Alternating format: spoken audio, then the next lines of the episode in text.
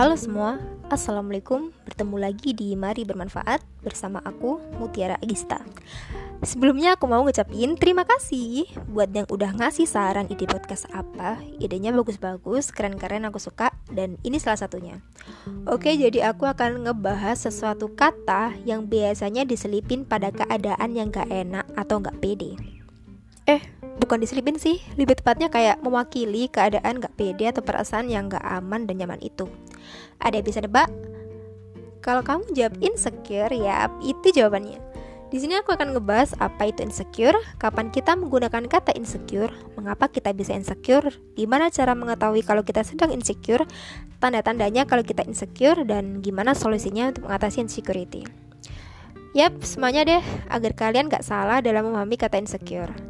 Jadi info ini aku dapat dari berbagai sumber, beberapa di antaranya kayak Quipper, ZQ, IDN Times, dan yang lainnya. Oke, kita mulai dari apa itu insecure? Awal dengar kata insecure sih aku mikirnya itu kata lain dari nggak pede. Soalnya biasanya aku dengarnya tuh kayak gini. Duh, berat badan aku nih naik terus. Lihat kamu yang seksi jadi insecure deh. Gitulah kira-kira. Ya nggak, biasanya gitu kan. Tapi teman-teman, setelah ada yang request, aku akhirnya menggali lebih dalam terkait insecurity. Jadi insecurity itu perasaan tidak aman yang dapat kamu alami saat kamu merasa malu, bersalah, kekurangan, atau bahkan tidak mampu. Nah, saat merasa tidak aman inilah seseorang cenderung hidup dalam ketakutan. Setelah itu, semakin merasa tidak percaya diri. Akibatnya, dia takut untuk berinteraksi, Salah satu alasan kuat mengapa seseorang merasa tidak aman atau nyaman adalah mereka menilai diri mereka sendiri terlalu rendah dan tidak percaya diri. Nah, percaya diri ini mungkin luas ya cakupannya. Bisa jadi gak pede sama penampilan, nilai, kemampuan diri, dan sebagainya. Nah guys, kalau kalian punya temen yang kamu tahu mereka sebenarnya punya kemampuan, keunikan tersendiri, yang sekarang dia lagi down, menutup diri dari dunia, Coba deh kalian dukung. Kalian semangatin, kasih nasihat, motivasi, lindungi, rangkul dia. Agar insecure ini gak berlarut-larut. Kasian juga kan dia kalau menutup diri terus, sedang dia punya bagian yang harusnya bisa bersinar. Kalau ada teman kalian yang tanya, gini cantik gak? Gini bagus gak? Gini cocok gak? Kalau kalian mikir itu cocok, ya bilang aja cocok dengan memujinya. Oh, cocok kok, bagus kok, cantik kok, lebih cantik malah. Kelihatan anggun. Tapi kalau misal nggak cocok, ya bilang aja nggak cocok. Terus kasih saran, jangan kasih kritik. Apalagi ngomongnya kasar. Sumpah itu nggak nyenengin banget. Eh, nggak cocok deh. Gak bisa ngaca. Kamu tuh gendut, ngapain sih pakai itu? Buta warna ya? Itu nggak cocok warnanya. Ganti-ganti Ngapain sih selfie-selfie pakai filter lagi? Muka itu diurus. Stop. Jangan teman-teman. Walaupun niat kalian itu bercanda, tapi yang berurusan dengan tubuh, wajah, daya pikir itu bukan hal yang pantas untuk dipecandain. Serius deh. Lebih baik kamu ngomong. Coba deh warna lain. Bagus sih, cuma warnanya aja yang gak cocok. Kayaknya warna putih lebih anggun. Coba deh. Eh nih, aku kasih saran produk ini biar kamu makin cantik. Gimana kedengarannya untuk kalian? Ya mungkin beberapa dari kalian mikirnya alay sih, tapi itu jauh lebih adem kan. Ya bagaimanapun pujian itu selalu menenangkan dan ejekan itu selalu gak baik, bikin nyesek. dan yang terbaik itu jujur dan masukan yang tersampaikan dengan baik. Gak dipungkiri, semua orang, bahkan aku pernah insecure. Ngeliat Instagram isinya cewek-cewek cantik, ternyata dia skincarenya yang mahal, sampai juta-jutaan. Duh, bayangin aja aku ngerasa nggak mampu. Itu duit dipakai cuma buat muka aja juta-jutaan. Tuh kan gini aja insecure. ya gimana lagi, cuma bisa nerima. Biasa lawang Jawa, kudu legowo. Gimana sih cara kita tahu bahwa kita itu lagi insecure? Ada tanda-tandanya loh ada tujuh tanda. Apa itu? Apa aja itu? Yang pertama, nggak pede, memandang rendah diri sendiri. Gak apa-apa kalau orang lain ngerendahin diri kita. Kalian bisa buktiin dengan pencapaian kalian. Tapi kalau kamu sendiri yang ngerendahin diri kamu, Siapa lagi yang ngedukung diri kamu? Siapa lagi yang percaya kalau kamu tuh mampu? Intinya yakin sama diri kamu sendiri. Walaupun seisi dunia meragukanmu, itu gak masalah. Yang kedua, menghindari interaksi dengan lingkungan. Kalian menutup diri, ngerasa semua itu salah kalian, sehingga kalian terlalu takut untuk menghadapi kehidupan. Yang ketiga, Tanda-tandanya yaitu merasa tidak ingin keluar dari zona nyaman. Kalian terlalu nyaman dengan zona kalian, sehingga kalian terlalu takut untuk menghadapi hal baru yang bisa membuat kalian berkembang. Kalian ngerasa jika kalian keluar dari zona nyaman, kalian akan menghadapi satu rintangan dan kalian terlalu takut untuk gagal. Gagal itu bagian dari kehidupan dan itu wajar ya teman-teman. 4. Sering membandingkan diri dengan orang lain. Nah ini aku sering sih Kayaknya aku tuh sering mikir Pantas nggak ya aku maju sama dia dia itu gini, sedang aku di bawahnya. Jadi kayak ngerasa minder gitu. Ngerasa minder sendiri, ngerasa takut sendiri. Akhirnya aku insecure dan gak jadi ngelakuin hal tersebut. Dan itu sesuatu yang merugikan sih menurutku. Merugikan aku sendiri. Belum apa-apa, udah takut duluan. Gak pede sama kemampuan ya penyakit sih buat aku tapi aku juga berusaha untuk mikir maju aja terus gak apa-apa jalani aja dulu let it flow yeah. ikuti alur yang kelima tanda-tandanya yaitu haus akan pujian dan pengakuan dari orang lain. Aku tuh sering ya kayak mikir kayak misal aku membuat sesuatu itu aku tanya ke adik aku ini bagusnya yang mana? Ini atau ini? Terus adik aku jawab yang ini yang ini gitu. Aku tuh selalu ngeyakinin dia beneran yang ini? Terus aku tanya lagi tanya lagi tanya lagi dia tuh sampai kesel banget sampai dia nggak mau jawab gitu kayak. Kayak aku tuh kayak ngerasa harus diyakini gitu dan aku nggak pede sama apa pilihan pilihan aku sendiri nggak pede. Jadi kayak ini juga harus aku hilangin sih dari diri aku sendiri.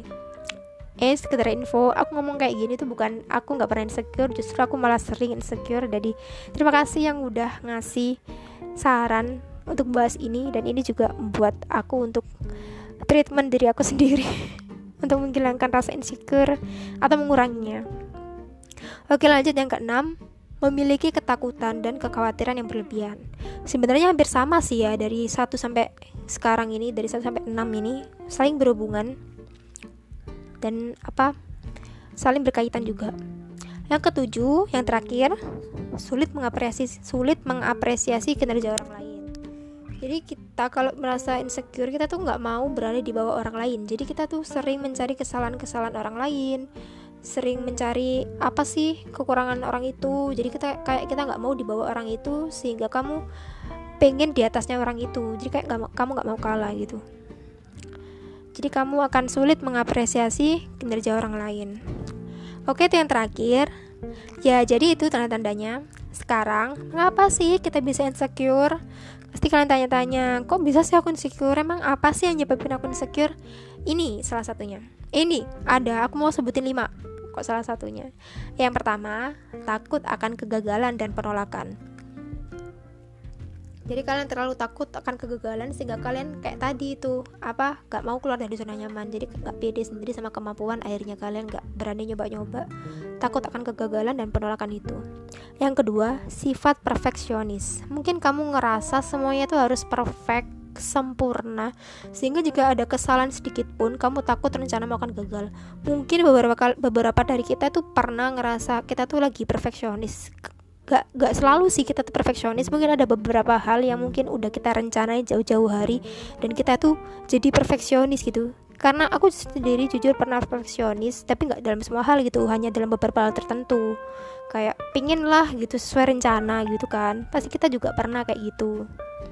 Yang ketiga nggak pede karena kecemasan sosial.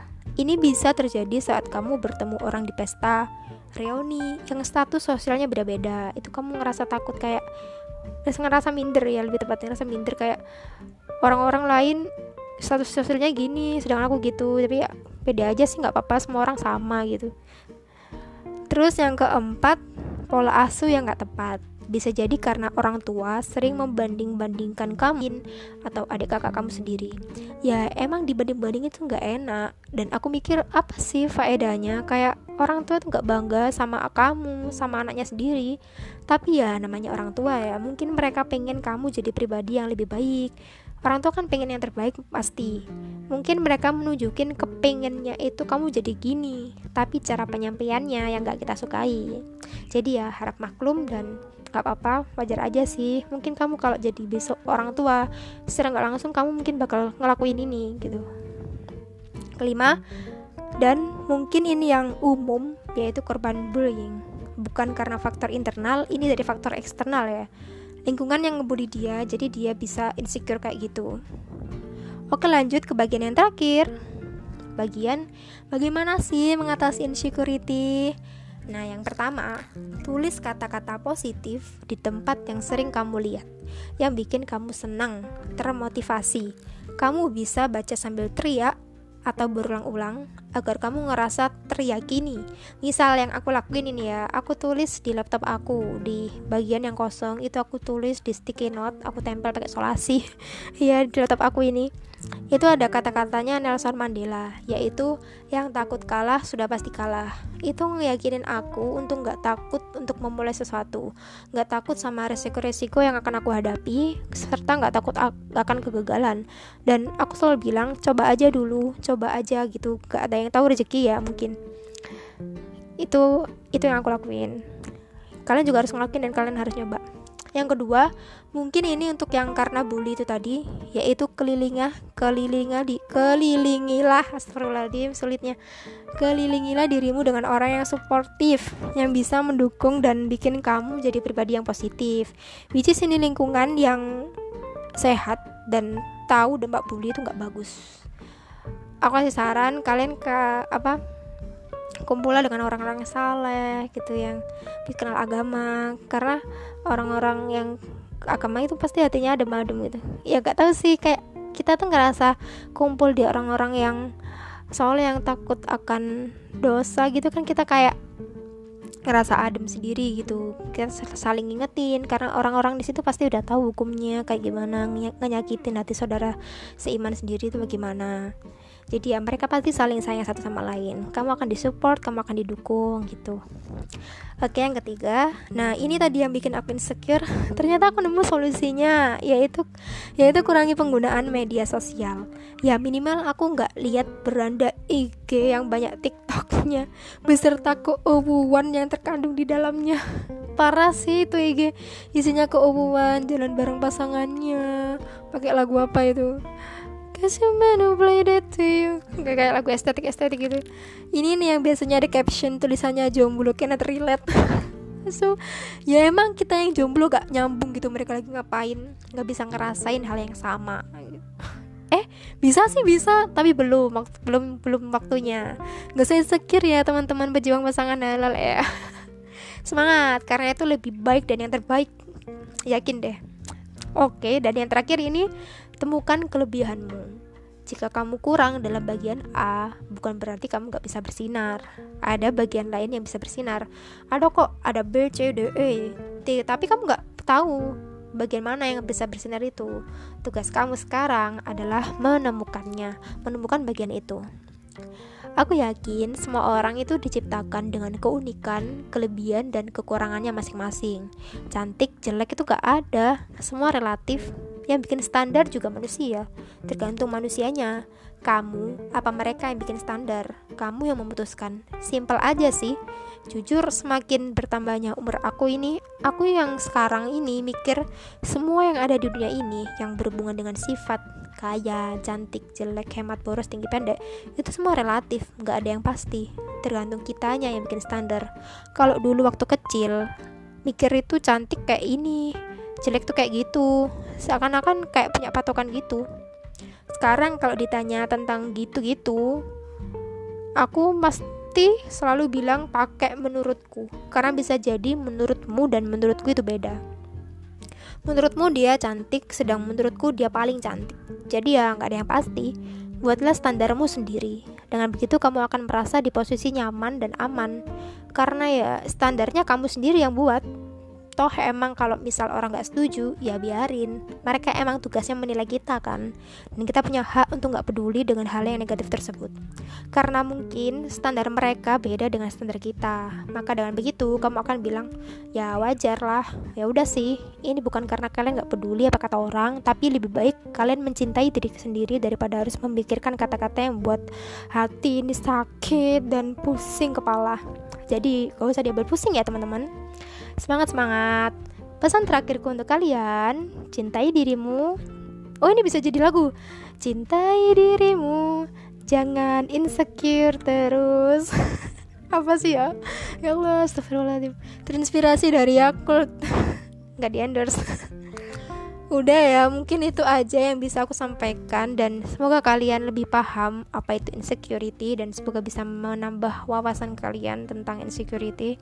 Kalian bisa share dalam bentuk share ke Instagram kalian atau bisa cerita ke teman kalian bahwa insecure itu gini, insecure itu gitu. Coba deh kamu dengerin podcast Mari bermanfaat dari Mutiara Gista. Mungkin kalian bisa pro apa promosiin gitu. Ya, ya udah sih. Gak berharap juga intinya hal ini tuh bermanfaat juga untuk kalian dan orang-orang yang sekarang sedang insecure insecure. Coba kalian apa resapi. Mungkin kalau kalian sendiri yang insecure sekarang semoga bisa terobati. Yuk kita sama-sama perangi. Ya gak apa-apa sih insecure. Karena wajar sih ya aku juga pernah. Semua orang mungkin juga pernah. Dan tapi gak apa-apa insecure. Gak apa-apa manusiawi. Tapi jangan berlarut-larut karena itu gak baik kalian harus move on ya teman-teman. Karena itu penting. Kalian bisa bersinar dan kalian bisa bangkit. Aku yakin. Semangat guys. Oke okay, ya yes. semoga bermanfaat. Wassalamualaikum. Terima kasih